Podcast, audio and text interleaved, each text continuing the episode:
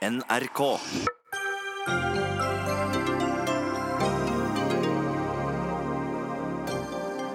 Likestillingsombudet går inn for drastisk økning av fedrekvoten, vil at mor og far skal dele helt likt. Helt urimelig, sier lege Gro Nylander, og viser til at det er kvinnen som bærer byrden av svangerskap, fødsel, barseltid og amming. Kan egentlig Statens vegvesen vikepliktsreglene? Syklistenes Landsforening er neimen ikke sikker etter å ha sett informasjonsvideoen deres. Kirkeuka for fred i Palestina og Israel er et av de mest smakløse kirkelige arrangementene i Norge, skriver sjefredaktøren i Dagen. Forutsigbar kritikk, svarer Mellomkirkelig råd. Og vi har embetsmann, fylkesmann, lagmann, lensmann, oppsynsmann, riksmeglingsmann, rådmann, sendemann, styremann, sysselmann og tjenestemann. Få mannen ut av den offentlige forvaltningen, sier førsteamanuensis i forvaltningsrett.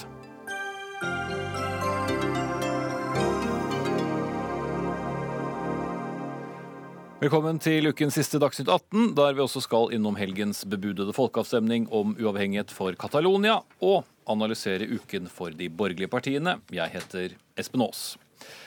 Likestillingsombud Hanne Bjurstrøm vil dele foreldrepermisjonen i to, forteller Aftenposten oss i dag. Og hun skriver dette i et høringssvar til Barne- og likestillingsdepartementet. Dersom permisjonstiden deles i to, så vil mor og far få 20 uker hver, i tillegg til at mor får ni uker ekstra.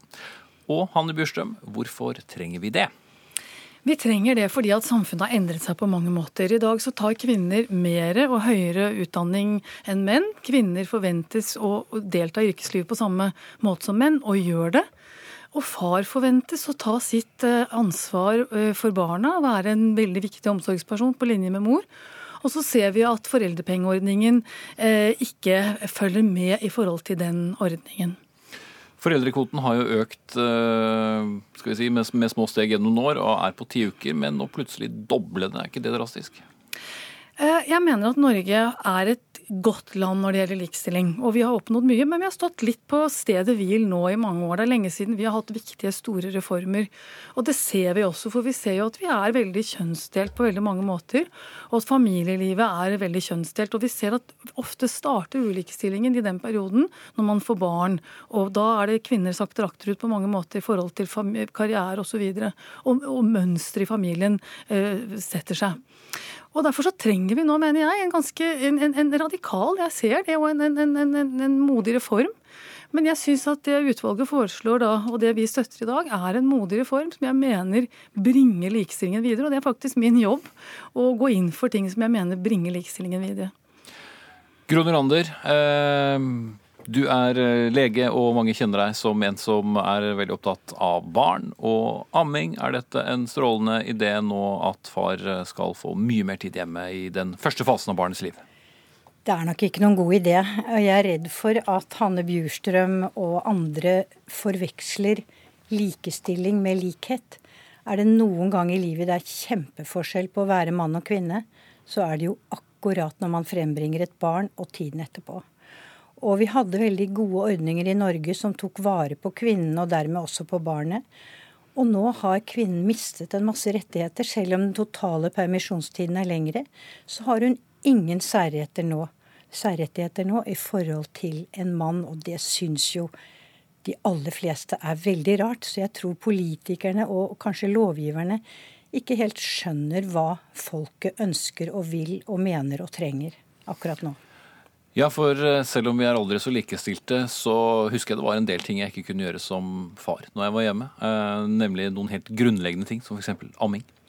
Altså nå er det sånn at Dette vil jo bety at hvis du har 80% som mange tar ut, så vil mor være hjemme litt over syv måneder. Er det, er det, er det, eh, er det 100, nei, unnskyld, 80% er det seks måneder. Er det 80% så er det syv måneder. Og de ammerådene man har i Norge i dag, det er altså fullamming i seks måneder. Men tre av fire kvinner de har sluttet å fullamme når barnet er fem måneder. Jeg er veldig opptatt av at kvinner skal ha de rettighetene. Og jeg mener at seks og syv måneder er ikke dårlig, en dårlig ting for, for kvinner. Og så må det ses i forhold til barnets beste. Jeg mener det er veldig viktig at barnet kan etablere et godt og nært forhold til far. Eh, og for at eh, det skal skje, så vet vi at eh, fars forhold til barnet i den første tiden er veldig viktig. Veldig mange fedre ønsker det. Vi ser at veldig mange fedre gjør det. Men vi ser også at valgene deres er litt bestemmende for hvordan det legges til rette for det. Så jeg mener tiden har kommet for å gi far den retten. men samtidig selvfølgelig være opptatt av at også mor får da eh, opptil syv måneder, som er hennes eh, rett i forhold til at hun føder barn. Du sukker, eh, Gro Ja, jeg gjør det, for jeg syns det er veldig typisk for debatten at vi snakker far, far, far. Så nevner du så vidt mor, og barnet nevnes ikke. Det er jo ingen som snakker barnets sak her. Og la meg si det mente hun gjorde det? Ja, jeg vet det, men hun tar nok litt feil, tror jeg. Fordi at eh, det er tre ting. La oss være enige om at tre ting er viktig i denne debatten. Far er kjempeviktig. Vi er enige om at far skal ha en kvote, en egen kvote, og den kan gjerne bli litt lengre flott. Så jeg ønsker ikke å holde far unna barnet. Og selv om mor er hjemme med barnet, så er jo far der morgen og ettermiddag og helger og ferier og kan kose og holde på så mye han vil. Det andre jeg syns er viktig, er likestilling. Og da er det jo faktisk sånn at hvis kvinnen f.eks. får tre måneder lengre enn mannen, så vil hun totalt i hele sin livstid tape et halvt års arbeidsansiennitet. Det er ikke verre enn som så. Og da har jeg lyst til å skyte inn til det likestillingspunktet at EU og EØS-avtalen, som vi er rettslig forpliktet til å følge, de sier at kvinnen skal ha 14 ukers barselpermisjon før man begynner på den delbare.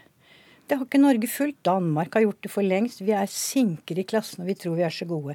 Det tredje jeg har lyst til bare så vidt å nevne, er jo amming. For Det er så lett å si ja, det går så fint å amme, og amming er jo kos og sånn, men det er altså Amming dreier seg selv i Norge om helse, og en sjelden gang også om liv og død. Og det er veldig sært at staten plutselig vedtar en plan for bedre kosthold i Norge med alle disse gode ammerådene. Og så kommer det etterpå nå kanskje en lov som sier at du skal gjøre det vanskeligere for kvinner å amme. For når mor begynner å jobbe igjen, så slutter de fleste å amme. Og hvis mannen skal ha 20 uker, så er det ikke så mye igjen til henne.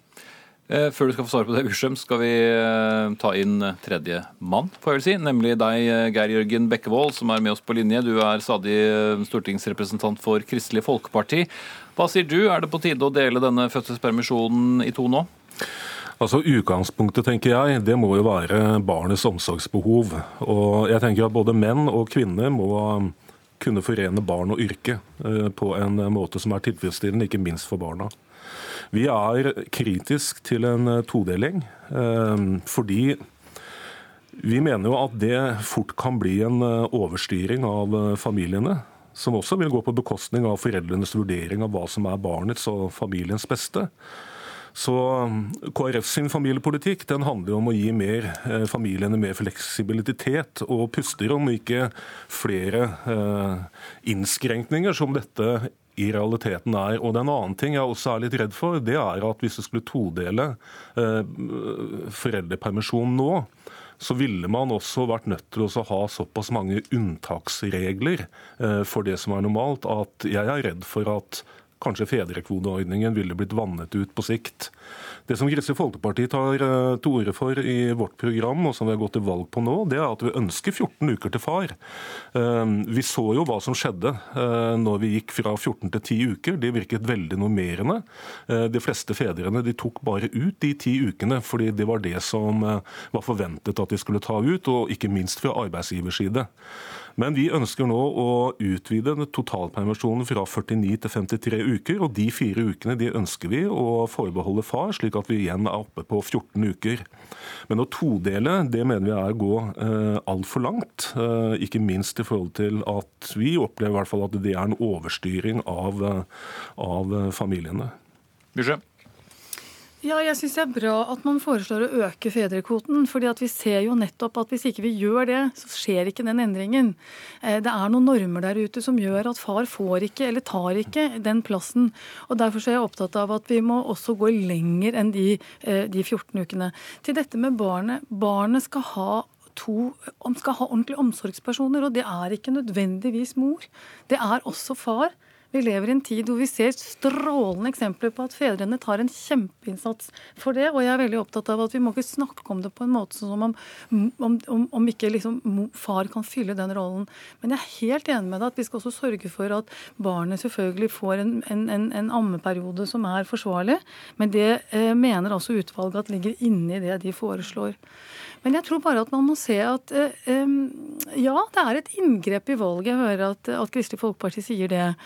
Eh, men vil vi gjøre noen fremskritt, så tror jeg vi må gjøre det. Vi bruker veldig mye penger på, på foreldrepengeordningen. Eh, politikk drives frem ved å, å gjøre noen, noen, noen grep. Eh, noen modige grep. Og jeg tror at det norske samfunnet er klare for at far får noen selvstendige rettigheter som gir han også klart kort i forhold til sine arbeidsgivere. Altså, vi kommer jo ikke unna i dag, så er det slik at uh, arbeidslivet forventer at mor blir hjemme og, uh, og far uh, jobber. Og det gjør det slik at mor blir mindre attraktiv på arbeidsmarkedet. Og det er ikke bra for likestillingen i Norge, og derfor er det ikke en god ordning. Ja, Bekkevold, Du var jo selv inne på det, at når vi reduserte den, så fikk jo det sine konsekvenser. Ja. Er det ikke da på tide å, å, gå et godt stykke i motsatt retning? Jo, men det har jo KrF tatt ordet for, i og med at vi nå ønsker å øke fedrepermisjonen til 14 uker igjen. Eh, men å gå så langt som å todele eh, permisjonen, det mener vi er å gå for langt. Og det som jeg syns at både Ellingsæter-utvalget, som Bjurstrøm eh, henviser til, og som Likestillingsombudet selv ikke sier så mye om, om, det er jo at hvis det er sånn at man innfører en todeling, så er det en del strukturelle endringer også i arbeidslivet som må på plass først. Ikke minst aksepten fra arbeidsgiver på at far også er en viktig omsorgsperson. Eh, veldig mange fedre sliter i forhold til sin arbeidsgiver i å ta ut fedrepermisjonen, så det må en del endringer på plass der. Jeg mener også at far er en viktig omsorgsperson. Eh, men det som er resultatet hvis far ikke tar ut disse ukene, det er jo at familien mister disse ukene totalt. Og den som da blir sittende igjen som den tapende far, det er jo barnet. Så her, her, her, må vi ha flere tanker i hodet samtidig. Ja, jeg er enig i at vi bør øke eh, fedrekvoten igjen fra 10 til 14 uker. Men, men, ikke, gå, men å gå så langt som å todele, det mener jeg går altfor langt. Ja, Nylander kort, og så ja, Bjørnson kort til altså, slutt. Jo, det er ikke noe vits i å snakke mer om det med fedrekvoting. Der er vi helt enige, det er flott, og den kan gjerne økes. Jeg syns ingen av dere snakker om det kvinnen yter i form av å være gravid å føde, ha barseltid og amme. Det er en stor belastning på kvinner, og jeg representerer fagfolk. Legeforeningen, jordmorforeningene, helsesøstre, de to uh, juridiske fakultetene i Oslo og Bergen. Altså Det er mange som har sendt støtteerklæring som handler om nettopp dette. Kvinnen skal skjermes sammen med barnet først en tid, og så kan de dele. Og det handler ikke om at ikke far er viktig, og ikke om at vi ikke vil ha likestilling. Bjørsheim, du skal få avslutte kort, kort til slutt. Kvinner skal ha tre uker før fødselen og mellom seks og syv måneder etter fødselen. Og det mener jeg er en viktig skjerping, skjerming av kvinner. Og så må vi bare eh, Skal vi komme videre, så mener jeg dette er en viktig reform. Ehm, vi hører ofte at eh, det blir uttrykt at det er viktigere at far er på jobben enn at, mor er det. Kvinner har veldig viktige yrker i dette samfunnet som det er veldig uheldig også at de blir borte i lengre perioder. Eh, jeg tror ikke at vi får disse endringene uten at vi faktisk tør å si at nå skal det være sånn. Det viser veldig, Vi har mange eksempler i historien på at man er veldig veldig tilbakeholdne. Dette er veldig alvorlig, vi kan ikke få gjort det nå. Og så gjør man det, og så ti år etterpå så fungerer det greit. Vi får se hva dommen blir etter hvert. Takk skal dere ha, likestillingsombud Hanne Bjurstrøm, lege Gro Nylander og stortingsrepresentant for Kristelig Folkeparti, Geir Jørgen Bekkevold. Dagsnytt 18 alle hverdager kl 18.00 på NRK P2 og NRK2.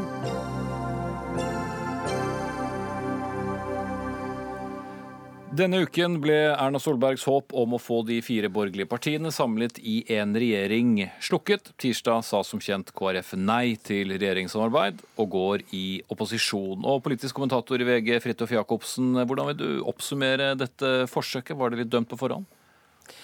Ja, Det kan jo se ut som det var dømt på forhånd, i hvert fall når det gjaldt Kristelig Folkeparti. Med Venstre er det jo fortsatt ganske mye dynamikk, kan man si, eller uavklart. Der kan det jo skje ting. Men med KrF eh, hadde jo sagt veldig klart at ikke de kunne sitte i noen regjering med Frp. og var vel aldri noe tenkelig at Frp skulle forlate denne regjeringen med valgseieren. Så, så, det var nok dømt på forhånd. Det var mer en øvelse, virket det som. Ja, litt spill for galleriet, eller hva skulle poenget være når det var avklart lenge før de satte seg rundt eh, dette bordet? Nei, Du må vel ta en sondering. Det er jo ikke unaturlig at fire partier som fortsatt har flertall, tar en sondering og prøver å si hva er det velgerne har sagt, og hva er det vi har sagt til velgerne, og hvilket mandat har vi eh, fra våre velgere for, for å, hvordan vi skal fungere de neste fire årene. Eh, og Det kan jo ha vært ting i disse samtalene som også ikke har dreid seg akkurat om selve regjeringsspørsmålet, men som har vært nyttige avklaringer for hva man er enig og hva man er uenig om eh, fremover. Men det, det har jo holdt klokelig kjeft om, akkurat de tingene i så fall. Du skriver i VG at du mener det er et nederlag for Erna Solberg at KrF distanserer seg fra regjeringen, men at det faktisk kan bli verst for Frp og Siv Jensen. Hvorfor? Jeg har prøvd å se på den situasjonen som er den mest sånn spente og kompliserte situasjonen i norsk politikk, nemlig eh, hvor sterkt er det borgerlige limet, og hva, er, hva, investerer man i det? Eh, med Høyre er det jo greit, de ønsker en bredest mulig borgerlig samling fordi det er det som er deres maktbase eh, og gjør at Erna Solberg kan være statsminister.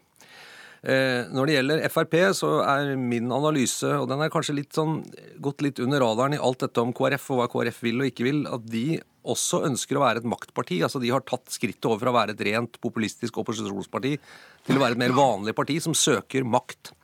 Og makten for Frp kan kun gå gjennom brede borgerlige samarbeid. Frp har jo også den situasjonen i motsetning til KrF, som teknisk sett kan samarbeide både med Arbeiderpartiet og til partiet for venstre for seg, partier i midten og Høyre. At Frp kan kun samarbeide med partier som ligger til venstre for seg, for å få den makten. Så jo flere som er med i det samarbeidet, jo større sjanse har Frp for å være i regjering eller komme i regjering. Og Det betyr at for dem så er det jo en seier at de blir spiselige eh, som regjeringspartner for flere partier, hvis nå Venstre kommer inn. Det vil altså gi en mindretallsregjering som i tillegg skal forhandle om mye bråk internt. Sånn, men min oppfatning er at sterke krefter i Frp, og de dominerende, slipper gjerne Venstre inn, gir fra seg noen statsrådsplasser, rett og slett fordi at eh, de vil at flere skal ta det skrittet det er og, samarbeide sånn med Frp. Eh, og når KrF da ikke sier at de ikke vil det, så mener jeg det er et nederlag for Siv Jensen at hun ikke har klart å komme noen vei med det de siste fire årene. Og så har jeg jo skrevet noe om hvorfor det er blitt sånn også. Tone Sofie Aglen, du er politisk redaktør i Adresseavisen og med oss fra Trondheim. Frp trenger KrF mer enn KrF trenger Frp. Er du um, enig i det? Ja, det er ikke noe tvil om det. Og det er jo veldig rart at uh, samlivsterapi ikke har stått høyere på agendaen til Erna Solberg. Og det er jo også litt sånn typisk at det er noe man begynner med først når partene uh, går fra hverandre. Og så vet vi jo ikke sant at uh, i særlig Frp så har man vært luta lei av KrF og Venstre. Man syns de har vært irriterende småparti, kravstor og sutrete. Og det er på en måte en irritasjon man kanskje kan forstå, men de er helt nødt til å, å brenne inne med det. For KrF og Venstre er nå engang de eneste vennene regjeringen regjeringa har. Og så syns jeg kanskje, hvis vi skal snu litt på bildet, da, så har jo Frp klart seg overraskende greit i regjering.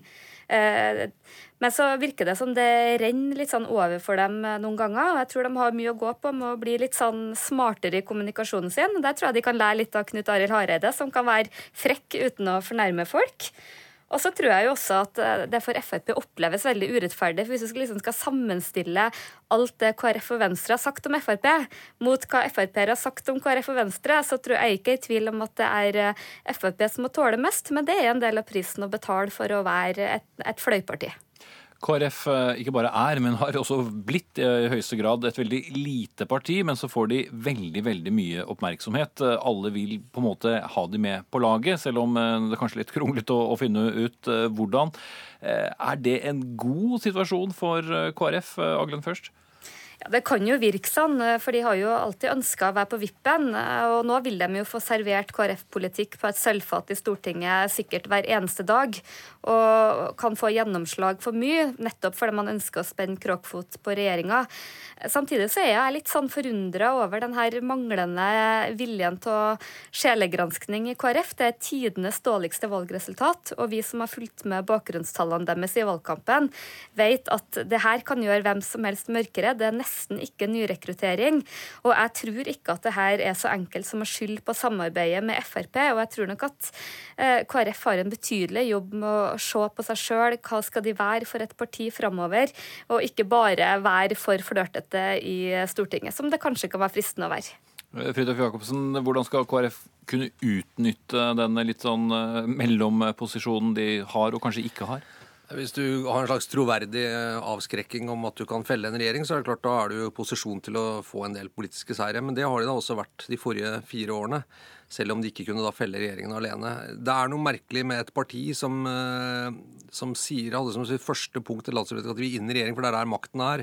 Og som sier at de er opptatt av å få gjennomslag for sine saker, men som så aktivt tar alle mulige skritt for å ikke havne i regjering. Der er det noe som ikke går opp. og Det tror jeg kanskje også KrFs velgere syns det er veldig rart. Og hele tiden blir forklart hvorfor, FRP, nei, hvorfor KrF ikke kan gå inn i, i, en borgerlig regjering når de fortsatt er et borgerlig parti. Og det var det de gikk til valg på. Eh, og så er det da eh, det andre Jeg ser ikke at det er noen Hvis du ser på ren politikk og saker, så ser jeg ikke at det er noen hinder jeg kan ikke skjønne hva KrF ikke skulle få gjennom i en regjering med, med hvor Frp også er med. Jeg tror ikke det er noen noe saker eller reelle sånne dype politiske konflikter som står i veien. De tror jeg faktisk er verre på, med Arbeiderpartiet, eh, når, særlig når det gjelder bioteknologi og, og, og, og sorteringssamfunnet, som, som, KrF kaller det. Der, der er det mye større og klarere fronter.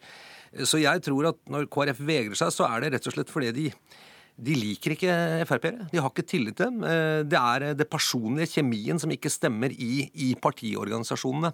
Og det er jo ikke så rart når du ser hva Per Sandberg og Masya Keshvari og Sylvi Listhaug og sånn har sagt om, eh, om Kristelig Folkeparti. At det er et tulleparti, at de har ansvar for ekstremisme, at de, eh, at de er eh, imamsleiker, eller sleiker imamer opp etter ryggen osv. Så videre. sånne ting glemmer ikke politikere. Sånne ting gjør det veldig vanskelig å samarbeide. Mellom Høyre og Frp så var det også en sånn forgiftet og elendig stemning i mange år. I 2009 så klarte man å bygge opp noe nytt. Man sluttet å snakke stygt om hverandre. Offentlig, i hvert fall. Og så kunne man samarbeide, men det har altså ikke Frp klart å slutte med KrF. Og prisen betaler de nå for at de har et ustabilt borgerlig grunnlag. og det kan hende at regjeringsmakten ryker på det, og da spørs om det var verdt alle disse sleivkjeftene til fremtredende Frp-politikere, hvis de får tenkt seg om. Vi får se hvem de får leke med når Stortinget atter en gang eh, samles. Takk skal du ha, politisk kommentator i VG Fridtjof Jacobsen, og politisk redaktør i Adresseavisen, Tone Sofie Aglen.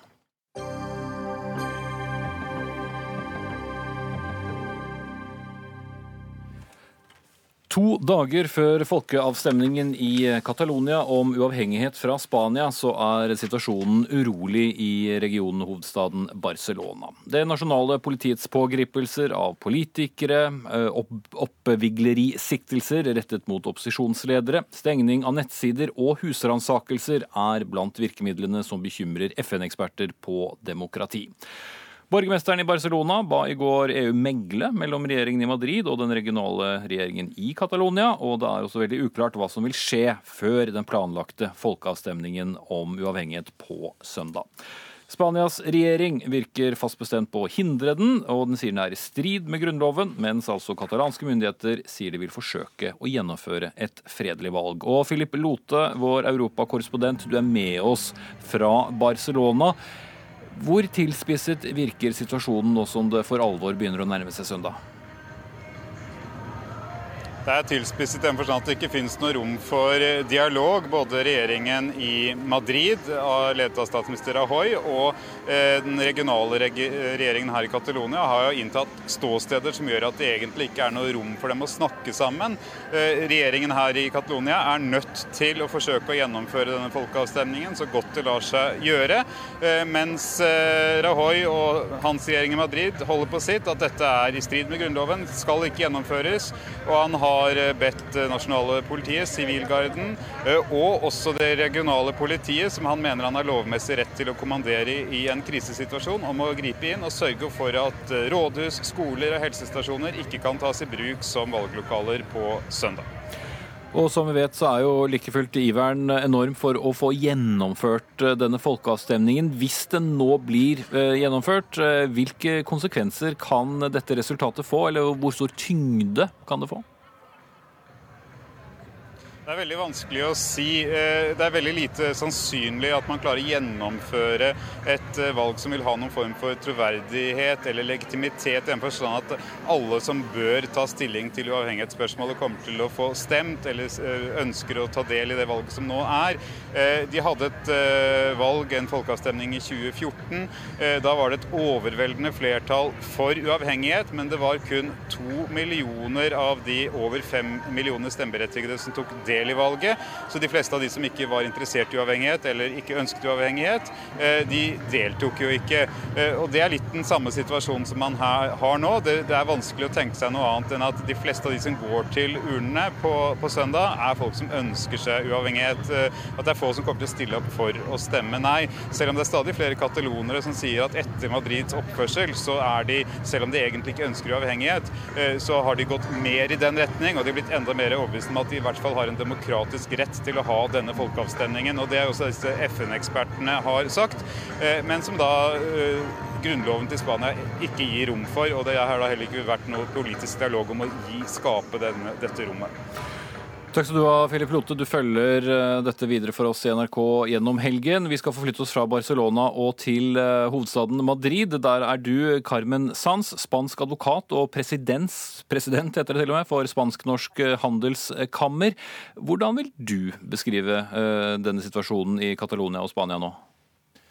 Der var det eh, riktig så stille. Så vi prøver å få eh, liv i den eh, linjen. Jeg stiller heller spørsmål til deg, Espen Barth Eide. Du kjenner jo også Spania godt. Hvis vi skal bare se litt på, på bakteppet, hvorfor er det blitt så tilspisset som det har blitt? Kanskje mer tilspisset enn, enn vi ville trodd for, for, en stund siden? Ja, betydelig mer tilspisset enn det man skulle tro for bare noen få år siden. fordi at denne trangen til autonomi eller selvstyre har ligget dypt i katalanerne i mange, mange år. Og det har vært mange partier i Catalonia som på et slags teoretisk grunnlag snakket om eh, nasjonal selvstendighet. Men i praksis så ble dette løst eh, etter at eh, Franco-diktaturet falt på ganske god måte mellom Madrid og Catalonia ved at man utviklet et indre selvstyre innen rammen av Spania. Spania er ikke en føderalstat i tradisjonell forstand, men det er altså gitt anledning til å ha noen provinser med betydelig indre selvstyre, og den utviklingen så ut til å løse dette spørsmålet. Og man fikk bl.a. Eh, under både Felipe Gonzales eh, og senere under med statsminister Zapatero, begge fra Sosialistpartiet, eh, så på Spania som en multikulturell stat der flere identiteter kunne leve sammen.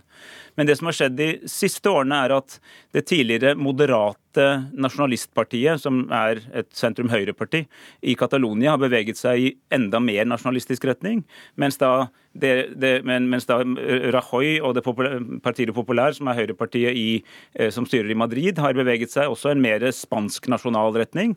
Eh, og dette har altså blitt en slags sånn selvoppfyllende profeti, at eh, der, har, der Madrid har begynt å begrense Catalonias selvstyre, så har altså katalanerne blitt mer ivrige for full eh, løsrivelse. Så er det ikke noe flertall nødvendigvis i Catalonia for løsrivelse. Noen mener det veldig sterkt. Men det vi skal være klar over, og Philip Lote sa det helt riktig, veldig mange katalanere vil ha denne avstemningen. Både for å stemme ja eller for å stemme nei, for å bli ferdig med dette her, og få det avklart. Så den eh, oppførselen som Madrid har stått bak de siste eh, dagene og ukene, den har egentlig inspirert flere mennesker til å si at vi skal i hvert fall ha rett til å stemme. Mm. Da forsøker vi oss en gang til vi på deg, Carmen Sanz eh, fra Madrid, stadig spansk advokat og president for Spansk-norsk eh, handelskammer. Hvordan følger du situasjonen fra, fra hovedstaden? Ja, hei, god dag. Jeg er litt bekymra med situasjonen, fordi det spanske samfunnet kommer så liksom i konflikt eh, igjen. Eh, og det er slik at eh, vi har sett at i Catalonia eh, samfunnet vil bli framover konfrontert. Eh, det blir konflikt mellom de som eh, vil stemme nå, og de som eh, ikke støtter dette valget. Og det, det, er den konflikten i samfunnet som jeg syns det vil være relevant i framtida. Det vil si, det er viktig det som skjer den 1. oktober, men jeg er litt bekymra på det som skjer framover. Det vil si etter den 2. oktober. Ja, Hva frykter du? Du har jo sagt at eh, dette også har minnet deg om, eh, om barndommen i Baskeland med så mye politi i gatene. Hva gjør det med folk? Ja, eh, Det nevnte jeg fordi jeg var det forrige uke var jeg på jobbesøk i Barcelona. Og da, da, var jeg midt i Barcelona, i Diagonalgata, og var der i møte med noen kollegaer, advokatkollegaer. Og for den første så jeg mye, mye politi i gatene, og det som spanjol reagerte jeg litt på. Og så tenkte jeg tilbake på den tida der, eh, i Baskeland, der jeg kommer fra. eh, når jeg var liten, det var så mye politi på gata, og det var jo mye konflikt, som jeg sa, i samfunnet. Med de som støtter uavhengighet, og de som ikke gjør det. Men eh, det som er relevant her, kanskje, det er det som mine kolleger i Barcelona fortalte meg når de spurte rett ut. Når de så at de ikke støtta dette som foregikk. Og så kom de tilbake med at uh, vi må være veldig diskré. Fordi det er ikke populært å si at vi er imot dette som skjer. Og mine kolleger som snakker katalansk, eh, eh, og som har barn som eh, snakker katalansk, og som er skikkelig katalanske, eh, det er ikke at de ikke er eh, for en sånn uavhengig Catalonia. Det er ikke noe som jeg ikke har spurt dem om. Men det som de ikke støtter, det er prosessen som har foregått. Fordi For en jurist er det veldig vanskelig å akseptere at eh, noen går gjennom en prosess som er absolutt i strid mot, mot Grunnloven, og som vår høyeste rett, eh, eller tribunal som håndterer hver grunnlovssaker, har etablert krystallklart at dette er en ulovlig prosess. Så vi må finne på en annen måte å gjøre ting på. Og det må selvsagt Rajoy, vår statsminister, skjønne. Og det er mange intellektuelle som har krevet dette veldig lenge. Og, uh, ja, så, ja. ja. Takk skal du ha, Carmen Sands. Eh, Espen Barth Eide, eh, til slutt. Ut fra hva du sier, eh, er det nesten nå viktigere bare å få gjennomført den avstemningen, uavhengig av resultatet, enn at denne situasjonen skal tilspisse seg, hvor de får en følelse av at de nektes avstemningen? Det er, det er, veldig vanskelig å måte, ta side i dette her. fordi at Det er jo riktig som Carmen Stein sier, at det er jo ikke noe konstitusjonelt grunnlag for å erklære løsrivelse i en ellers rimelig velfungerende stat. Eh, så, så der har jo sentralmyndigheten et poeng, men samtidig er jo ikke løsningen på dette politi og rettsoppgjør og arrestere og sette politikere i fengsel, det virker nesten aldri i det lange løp. Og Derfor så må man få til en dialog igjen, sånn som man hadde, om hvordan man kan finne en, en fornuftig plass for Catalonia med betydelig indre selvstyre innen rammen av Spania. Hvis man ikke lykkes med det, så vil man få en polarisering som kan vare veldig lenge. og Det er helt enig det som ble sagt her. Hvis, eh, hvis dette får lov å fortsette, så på en eller annen måte kommer man seg gjennom søndagen, men det vil være altså lange, mørke skygger i et land som for bare fire tiår siden var et uh, diktatur, og som derfor har erfaring med politisk vold. og Derfor så er det spesielt viktig at man følger nøye med på det, så man kan bidra til noe mer konstruktivt. Takk skal du ha, Espen Barth Eide, stortingsrepresentant for Arbeiderpartiet, påtroppende sådan, og tidligere utenriksminister.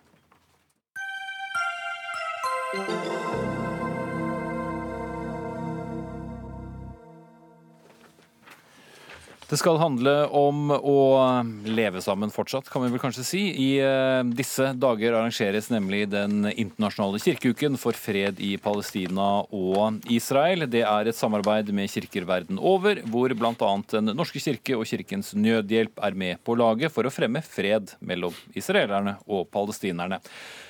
Men Arrangementet har møtt kritikk, bl.a. fra deg, Vebjørn Selbekk, sjefredaktør i Dagen. Du skriver altså på lederplass eh, at kirkeuka er et av de mest smakløse kirkelige arrangementer i Norge. Hva er det som gjør det så smakløst, for å sitere deg? Nei, Det er vel, eh, det jeg reagerer aller mest på, er jo ensidigheten i dette arrangementet. Og så Skal man oppnå fred i eh, Israel og Palestina, så handler det om dialog. At begge parter, de som er uenige, møtes, snakker sammen. Eh, men dette arrangementet, eh, der eh, skjer ikke det. Det er kun én side som er representert. Den palestinske synet på konflikten. Det er det eneste som man er interessert i å formidle. Og Dette til tross for at man sier at man skal ha med begge sider. Så jeg opplever kirkeuka for fred i Israel og Palestina som et, en, politisert aksjon som er dandert og dekorert og kamuflert med bønner og bibelvers. Og for meg blir det smakløst. Og spesielt når da Den norske kirke eh, er en av hovedarrangørene i dette. her. Altså, da snakker vi om en kirke som representerer 73 av eh, nordmenn. 3,8 millioner. Og det er klart at i, det, I den medlemsmassen så er det alle mulige politiske syn, ulike syn på denne konflikten. Men det er altså bare det ene synet som blir representert under denne kirkeuka. Så kort og godt veldig, veldig skjevt arrangement politisk? Svært, svært ensidig. Vel, Berit Hagen Nagøy, generalsekretær i Mellomkirkelig råd. Er dere imot staten Israel? På ingen måte. Og dette er jo ikke en eh, politisk uke som har mål av seg å vise de ulike politiske sidene i konflikten. Denne uka kom i stand fordi at kirkene i Israel og Palestina henvendte seg til sine søsterkirker og ba om at vi skulle arrangere en uke med forbønn, med solidaritet, og en uke hvor vi viser fram de fredskreftene som finnes både i Israel og Palestina. Og hvor mange av deltakerne på arrangementet deres eh, vil du regne da som pro-Israel eh, kontra det motsatte? Det, det, er viktig å snakke om eh, at Israel Det er jo ikke Israel vi snakker om her. Vi snakker jo faktisk om den israelske regjeringens okkupasjonspolitikk. Det er den vi er imot. Vi er ikke imot Israel. Vi har gjester fra Israel. Vi har mange som støtter staten Israel. og den, Det er en av våre viktigste budskap, at staten Israel har en legitim rett til å eksistere. Men Da hørtes det jo litt politisk ut, da, hvis du er imot regjeringen og ikke eh, staten? Ja, Den er politisk i den forstand at, at, hovedmålet med denne uka det er å vise hvordan okkupasjonen ødelegger for det palestinske folk, og hvordan den også ødelegger for det israelske folk. Så det er en uke hvor kirkene i Det hellige land har bedt oss bistå deres arbeid mot okkupasjonen. Så det er ikke en uke hvor vi er for eller mot Israel eller Palestina, men hvor vi er for eller mot den ødeleggende okkupasjonen. Men det er ikke greit, eh, Selbekk? Nei, altså dere, dere, skriver jo på, på hjemmesida deres at vi, vi, håper å kunne invitere gjester fra begge sider av konflikten. Det står eh, under arrangementet i år.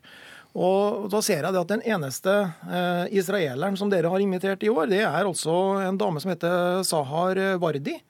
Og hun er altså eh, boykott, går inn for boikott av Israel, av sitt eget land. Altså en person som er svært langt ute på venstresida i det israelske politiske landskapet, og som står for en type motstand mot sitt eget land, og en, en type politisk virksomhet som, som, oppfattes svært negativt i Israel. Og så tenker jeg det at eh, når dere, når dere diskuterer alt dette her under kirkeuka, så føler jeg også at eh, en av de viktigste grunnene til, til, den manglende freden i uh, Israel og Palestina, som vi alle ønsker. Vi ønsker alle den freden.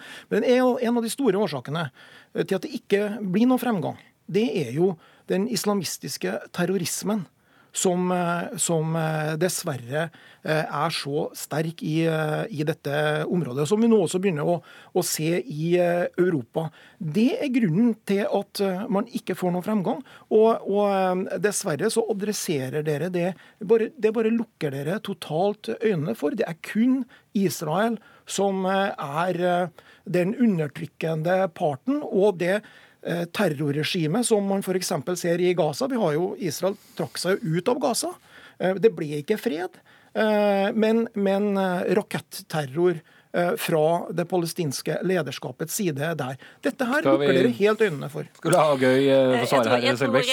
Jeg tror, eh, Selbekk, du bommer litt på kritikken hvis du tror at denne uka tar for seg hele konflikten i Midtøsten.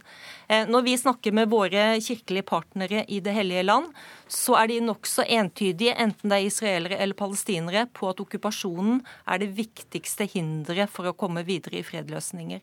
Og jeg er helt sikker på at, at både du og jeg ser at okkupasjonen er ødeleggende ønsker en rettferdig fred.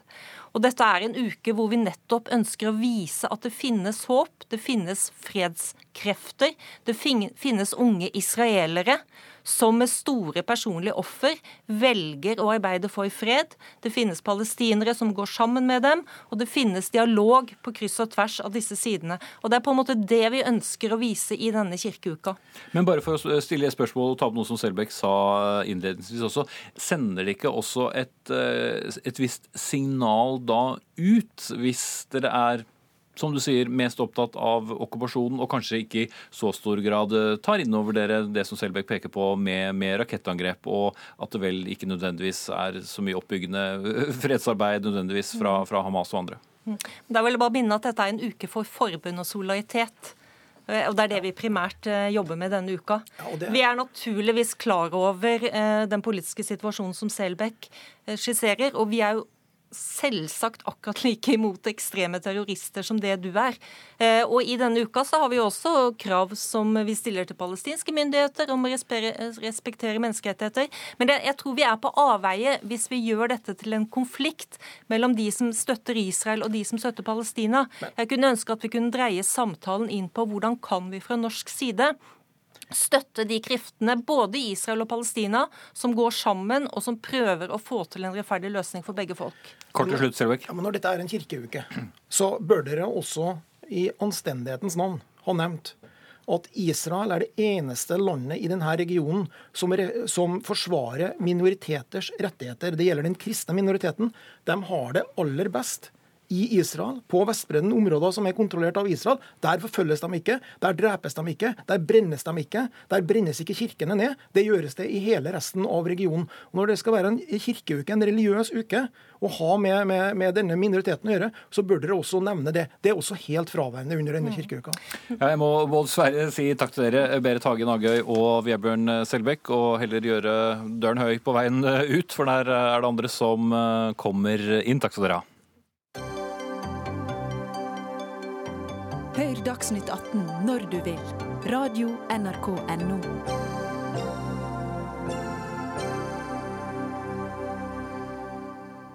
Er um, du der hjemme helt sikker på at du kan dette med vikepliktsreglene? Til og med Statens vegvesen kan kanskje ha problemer med nettopp det. For i veikampanjen Del veien, laget i en video der de vil informere om farene som kan oppstå mellom biler og syklister i veikryss. Men i videoen kommer de i skade for å bryte vikepliktreglene med en bil og gi skylden til syklisten, ifølge Syklistenes Landsforening. Statens vegvesen har fjernet eh, videoen, men Morgan Andersson, generalsekretær i Syklistenes Landsforening også. Hva, hva var det de gjorde feil? Videoen viser eh, en bil som kjører opp forbi eh, ved siden av en syklist som, kom, som er på sykkelfeltet og like etter da svinger til høyre rett foran syklisten og bryter da vikeplikten. Eh, bilisten har vikeplikt for syklene på høyre side. Denne vikeplikten blir, klart brutt i det tilfellet her.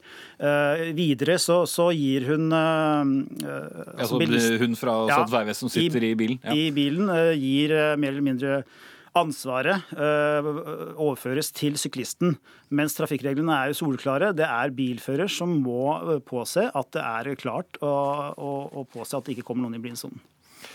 Eh, de har jo da fjernet videoen og sagt at den kunne citat, feiltolkes med hensyn til ansvar, og det er du kanskje ikke så uenig i, da? Ja, Feiltolke mener vi er et feil, feil ordvalg. Vi vil si at budskapet er, er misvisende, er direkte feil man gir feil informasjon. og Det er ikke det eneste tilfellet hvor Statens vegvesen gir misvisende informasjon. De har i, for ikke lenge siden gitt ut et pressemelding som, eh, med overskriften eh, 'Syklistene har nesten alltid vikeplikt', og det er direkte feil. Det kan føre til farlige situasjoner. I blanda trafikk, i sykkelfelt, så har syklistene samme rettigheter og plikter som de øvrige kjørende, altså bilister og andre, og dermed ikke alltid vikeplikt. Marit Espeland eh, fra Statens vegvesen, eh, bare for å ha poengtert det. Du hadde ikke noe med akkurat denne kampanjen å gjøre, men er det som heter nasjonal sykkelkoordinator, faktisk. Og hva er det som, eh, som har skjedd feil på stedet du jobber? Ehm, jeg har ikke sett eh, originalfilmen som eh, ble produsert, som vi eh, tok av dagen etter at den ble lansert. Men det er jo helt tydelig at veitrafikkloven den er klar på det punktet her. At det er bilisten som skal vike for syklist når han svinger inn til høyre over et sykkelfelt. Paragraf 7, ledd 3 faktisk, eh, om, om, vikeplikt. Men hvordan kan Statens vegvesen eh, gjøre det lettere for biler å overholde vikeplikten? Jeg tror vel mange som enten har kjørt bil eller eh, syklet i tett trafikk, stusser om alle kan de samme reglene? Vi kan gjøre mye med å utforme veinettet riktig, og også med hjelp av skilt og, oppmerking i kjørebanen. Plasserer vi det korrekt, så, så er jo signalene tydeligere også på, på den uh, informasjonen blir, blir, riktig til uh, trafikantene. Så, så, det er jo mange steder hvor uh, kryssutforming og avkjørsler ikke er riktig utført, så, så kan man gjøre noe med det. Marion Andersson, eh, hva vil du si? Hvor gode er syklister generelt på vikepliktsregler? For det er jo ikke det samme å kjøre bil som, eh, som å sykle, og i hvert fall ikke hvis det smeller. Det er et eh, stort problem i Norge at det er få som kjenner eh, vikepliktsreglene for syklister. Både syklistene selv, men også bilister og andre trafikanter. Eh, derfor har vi tatt til orde for at det bør ses på det regelverket her, for å gjøre det klarere og tydeligere. Det har vært flere rapporter og undersøkelser tidligere, og en av de er, står Statens vegvesen for selv. og Der, viser, der sier fire av ti øvede syklister over 18 år, altså som sykler mye i trafikken, sier at de ikke forstår vikepliktsreglene fullt ut ut. Eh, en tidligere rapport eh, fra Sintef eh, nesten ti år tilbake sier det samme, også bestilt av Statens vegvesen, sier det samme og konkluderer med at, no, at, her bør man ta tak, her bør man se på regelverket og gjøre noe med det. Det blir ikke gjort. Og så har man også UAG-rapportene fra Statens vegvesen hvor man går i dybdeanalyse på ulykker, dødsulykker, svært alvorlige ulykker. Og i over 70 svært alvorlige ulykker så er det brudd på vikeplikten i tilnærmet halvparten av de ulykkene. Ja, eh, Marit Espeland, som eh, faktisk da eh, sykkelkoordinator, nasjonal sådan. Er det noe dere nå kan begynne å gjøre for å unngå så mange misforståelser? Vi, eh, vi, jobber jo med, med, det her eh, hele tiden, og spesielt med, med, å informere. Der eh, har vi jo gjort en del gjennom Del veien-kampanjen. Vi har også utarbeida en brosjyre som på en enkel måte forklarer vikepliktsreglene. Del veien var vel denne videoen en del av også, var det ikke det? Jo, den, det, jeg har jo ikke jobba med, med, det her, så jeg er jo ikke kjent med bakgrunnen for den, den videoen som ble lansert i forbindelse med sykkel-VM. Eh, og jeg jobber heller ikke med kampanjene, så jeg kan ikke kommentere hvordan de vinkles eh, heller. Eh, men brosjyra som vi har lagd for, for, på en enda bedre måte informere om vikepliktsreglene, det, det har vi laga. Og vi jobber også gjennom Sykkelbynettverket for å lære Lære, lære, kunnskap om hvordan man skal tilrettelegge for, for å få flere til å sykle. Men det er et stykke igjen, Morgan Andersson? Ja, det er det. fordi eh, Hvis vi tar et eksempel. Eh, på gang- og sykkelvei så har syklene stort sett da vikeplikt for, for kryssende trafikk på, på, vei. Men er det en avkjørsel fra uh, bensinstasjon, fra parkeringsplass eller lignende, så har man det stort sett ikke. Uh, og, det, og, det, er veldig vanskelig å avgjøre der og da hvorvidt det er en vei, kan være, uh, eller avkjørsel. Og vi må huske på at det ofte er trafikanter, syklende, som ikke har den trafikkopplæringen som de harde trafikantene har, som de som sitter i bil har. Den trafikkopplæringen som de har vært igjennom. Det er barn. det er eldre som der og da skal tolke situasjonen riktig for at det skal, ikke skal oppstå uh, ulykke. Er det for lett å bli syklist? Altså, Hvem som helst kan jo sette seg på en sykkel så frem til klarer å, holde balansen, og så er det ikke samme kravene for å få lov til å føre den som, eh, som en bil. Men uh, Burde vi være strengere? Det er sykkelens styrke, at det er enkelt og, og lett. Og vi må også gjøre regelverket, uh, forme regelverket så at det fortsatt er enkelt og lett. Det er et uh, uttalt uh, mål i, i, Norge at vi skal ha nullvekst i personbiltrafikken. Vi skal legge bedre til rette for syklende, gående og kollektiv. Den skal ta den veksten i transportbehovet som kommer nå fremover. Da må vi også ta noen grep på regelsiden og ikke minst på infrastruktursiden. For det er et infrastrukturproblem. Greier vi å adskille de ulike trafikantgruppene, bilister, gående, syklende, så er, så er mye gjort. Og så er det sikkert noen som roper der hjemme at de skulle ønske at flere overholdt eh, både rød lys og vikeplikt fra syklistenes side òg, men vi er kanskje enige om at det er eh, litt å hente fra begge sider? Det er det absolutt. Vi sier oppfordrer syklister til å følge trafikkreglene i likhet med alle andre trafikanter. Og bare for å ha sagt det, det som står i denne paragraf 7 om vikeplikt, ledd 3. Kjørende som vil svinge, har vikeplikt for gående eller syklende som skal rett frem på kjørebanen eller på veiens skulder. Så Klipp det ut og ta det med dere hjem. Takk skal dere ha, Morgan Andersson eh, fra eh, Syklistenes Landsforbund og eh, Marit Espeland fra Statens vegvesen.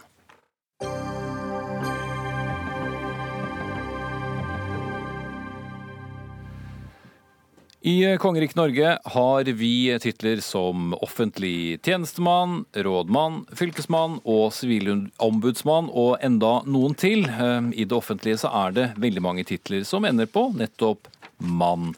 Men hvorfor det? Det spørsmålet så det stiller du i en eh, kronikk i VG, førsteamanuensis i forvaltningsrett ved Universitetet i Oslo, Nikolai K. Winge. Og svaret er vel kanskje at eh, det er det de heter? Ja, godt poeng. Eh, og i denne artikkelen som er, der er mer undrende enn kanskje konkluderende.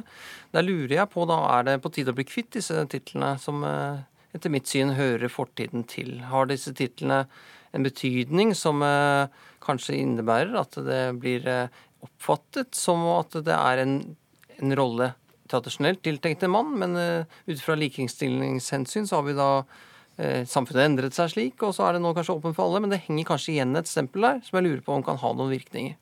Men det er vel heller ikke sånn at vi forventer at enhver fylkesmann er en mann? Nei, i dag er det jo syv fylkeskvinner der ute, som jeg liker å omtale dem. Eh, og eh, de klarer seg utmerket, eh, selv om de, tittelen deres er da fylkesmann. Men samtidig så lurer jeg på, har dette en signaleffekt, slik at kanskje kvinner opplever at det er en barriere der, en mer eller mindre usynlig barriere, og kanskje de må yte litt ekstra for å bevise at de skal være denne mannen som det tradisjonelt har hett. Mm, men du vil først og fremst da uh, se for deg kjønnsnøytrale uh, titler. Uh, også fjerne mann og jeg vet ikke. Kanskje ja. ikke ha jordmor lenger, eller? Nei, absolutt. Og, og, spesielt innenfor den offentlige forvaltningen, der jeg mener at vi har et spesielt ansvar, som det likestillingslandet vi utgjør for oss å være, så mener jeg at det, det, det burde være en smal sak å endre disse titlene der, dersom det har stor betydning. Og jeg mistenker jo at det har det. Og stort sett så er det veldig enkelt. Man fjerner ordet mann. Og andre ganger så er det litt mer komplisert, og da må man finne nye titler, f.eks. sjef eller leder. Mm. Eh, Heidi Helene Sveen, du er samfunnsviter og forfatter. Eh, har det noe å si? Ja, jeg tror det har noe å si. Det er klart at vi, Når vi sender barna våre på grunnskole i ti år for å lære dem å lese og skrive, eh, og så klarer vi ikke å modernisere språket vårt for å følge, holde tritt, så er det litt selvmotsigende, syns jeg. Og så er det klart det at språk det skaper mentale bilder. Og mann, det skaper jo et bilde, og kvinne et annet. Og hvis vi skal ha, eh, samtidig ha likestilling og et, sende ut signal om at kjønn ikke har betydning, da må det også speiles i språket. Det mener jeg helt klart. Men er det ikke bare titler? Det er jo ikke bare titler, for hvis det bare hadde vært en tittel som ikke speilet noe eller betydde noe, så kunne vi jo kalt det forkvinner og ombudskvinner og sånne ting. Men det tror jeg at eh, vi ville fått store protester på. Vi skal ha med oss eh, en tredje person, får jeg da si. Eh, nemlig Aina Stenersen. Du er tidligere formann i Oslo FPU, altså Fremskrittspartiets Ungdom. Eh, hvordan ble du plaget av dette noe maskulint eh, lydende mm, tillitsvervet? Ja, nå er det jo en stund siden jeg hadde, hadde den tittelen. Fordi at hele Fremskrittspartiet endret jo den tittelen for ca. åtte år siden. Eh, men jeg tenkte mer over innholdet og arbeidsoppgavene mine, eh, og gjøre de på en best mulig måte enn på selve tittelen. Eh, og jeg mener også at en, en navneendring kommer ikke til å bekjempe det kjønnsdelte arbeidsmarkedet vi har i Norge, men det er viktig å høre på innspill som f.eks. Sykepleierforbundet har, har meldt inn. Men som sagt så er jeg mer opptatt av innholdet i tjenestene, og at folk forstår titlene. Og jeg ser ikke noe sånn umiddelbart behov for å gjøre noen endringer på dette. Eh, og så har vi jo f.eks. sett at tidligere i skolen eh, så ble jo lærer referert til og kalt som lærerinne. Eh, og så har man jo i senere tid ønsket å få flere mannlige lærere, og nå har man jo en kjønnsnøytral tittel som er lærer. Men man sliter jo fortsatt med å rekruttere menn som lærere da i skolen. Og så kan man også se f.eks. at det er jo veldig mange kvinner som blir offiserer eller befal. Og det er store søkertall til både befalsskolen og krigsskolen, uten at det har noe med tittel å gjøre. Nicolai Winge, du hadde jo et godt eksempel på en kvinne som hadde innehatt veldig mange mannsverv i, i din.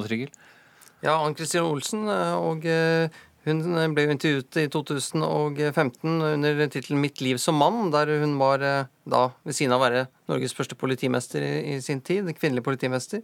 Eh, hadde hatt titler som tjenestemann, embetsmann, sysselmann og fylkesmann. Og eh, så vidt jeg forsto henne i den, den, det intervjuet, så var ikke det helt uproblematisk. Men eh, samtidig kanskje eh, så gikk det fint for henne.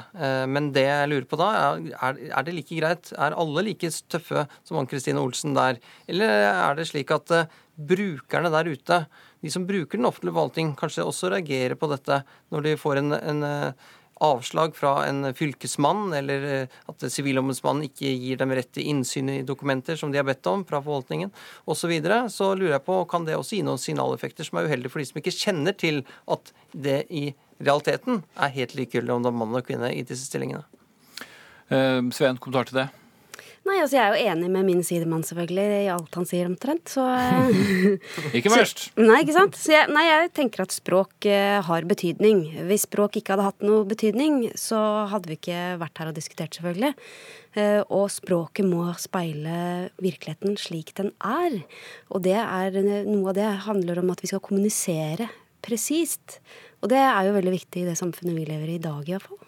Men som Aina uh, Stenersen påpeker, aller viktigst er det innholdet. Og som et tankeeksperiment, hvis alle fylkesmenn i Norge i en uh, flerårsperiode hadde vært uh, kvinner, så hadde vel kanskje mannsaspektet ved, ved tittelen falt litt bort? Ja, jeg, er litt usikker på det, egentlig. Vi kan, kan jo snu på det. og Så kan vi fjerne suffikset 'mann' på alle titler, og så bytte de om med 'kvinne'. Jeg tror at eh, mange ville steile da, og den tanken kan man jo dvele litt ved. Ja, Det hadde vært pussig å hørt at uh, Carl I. Hagen i sin tid skulle vært uh, forkvinne i Fremskrittspartiet, Aina Stenersen?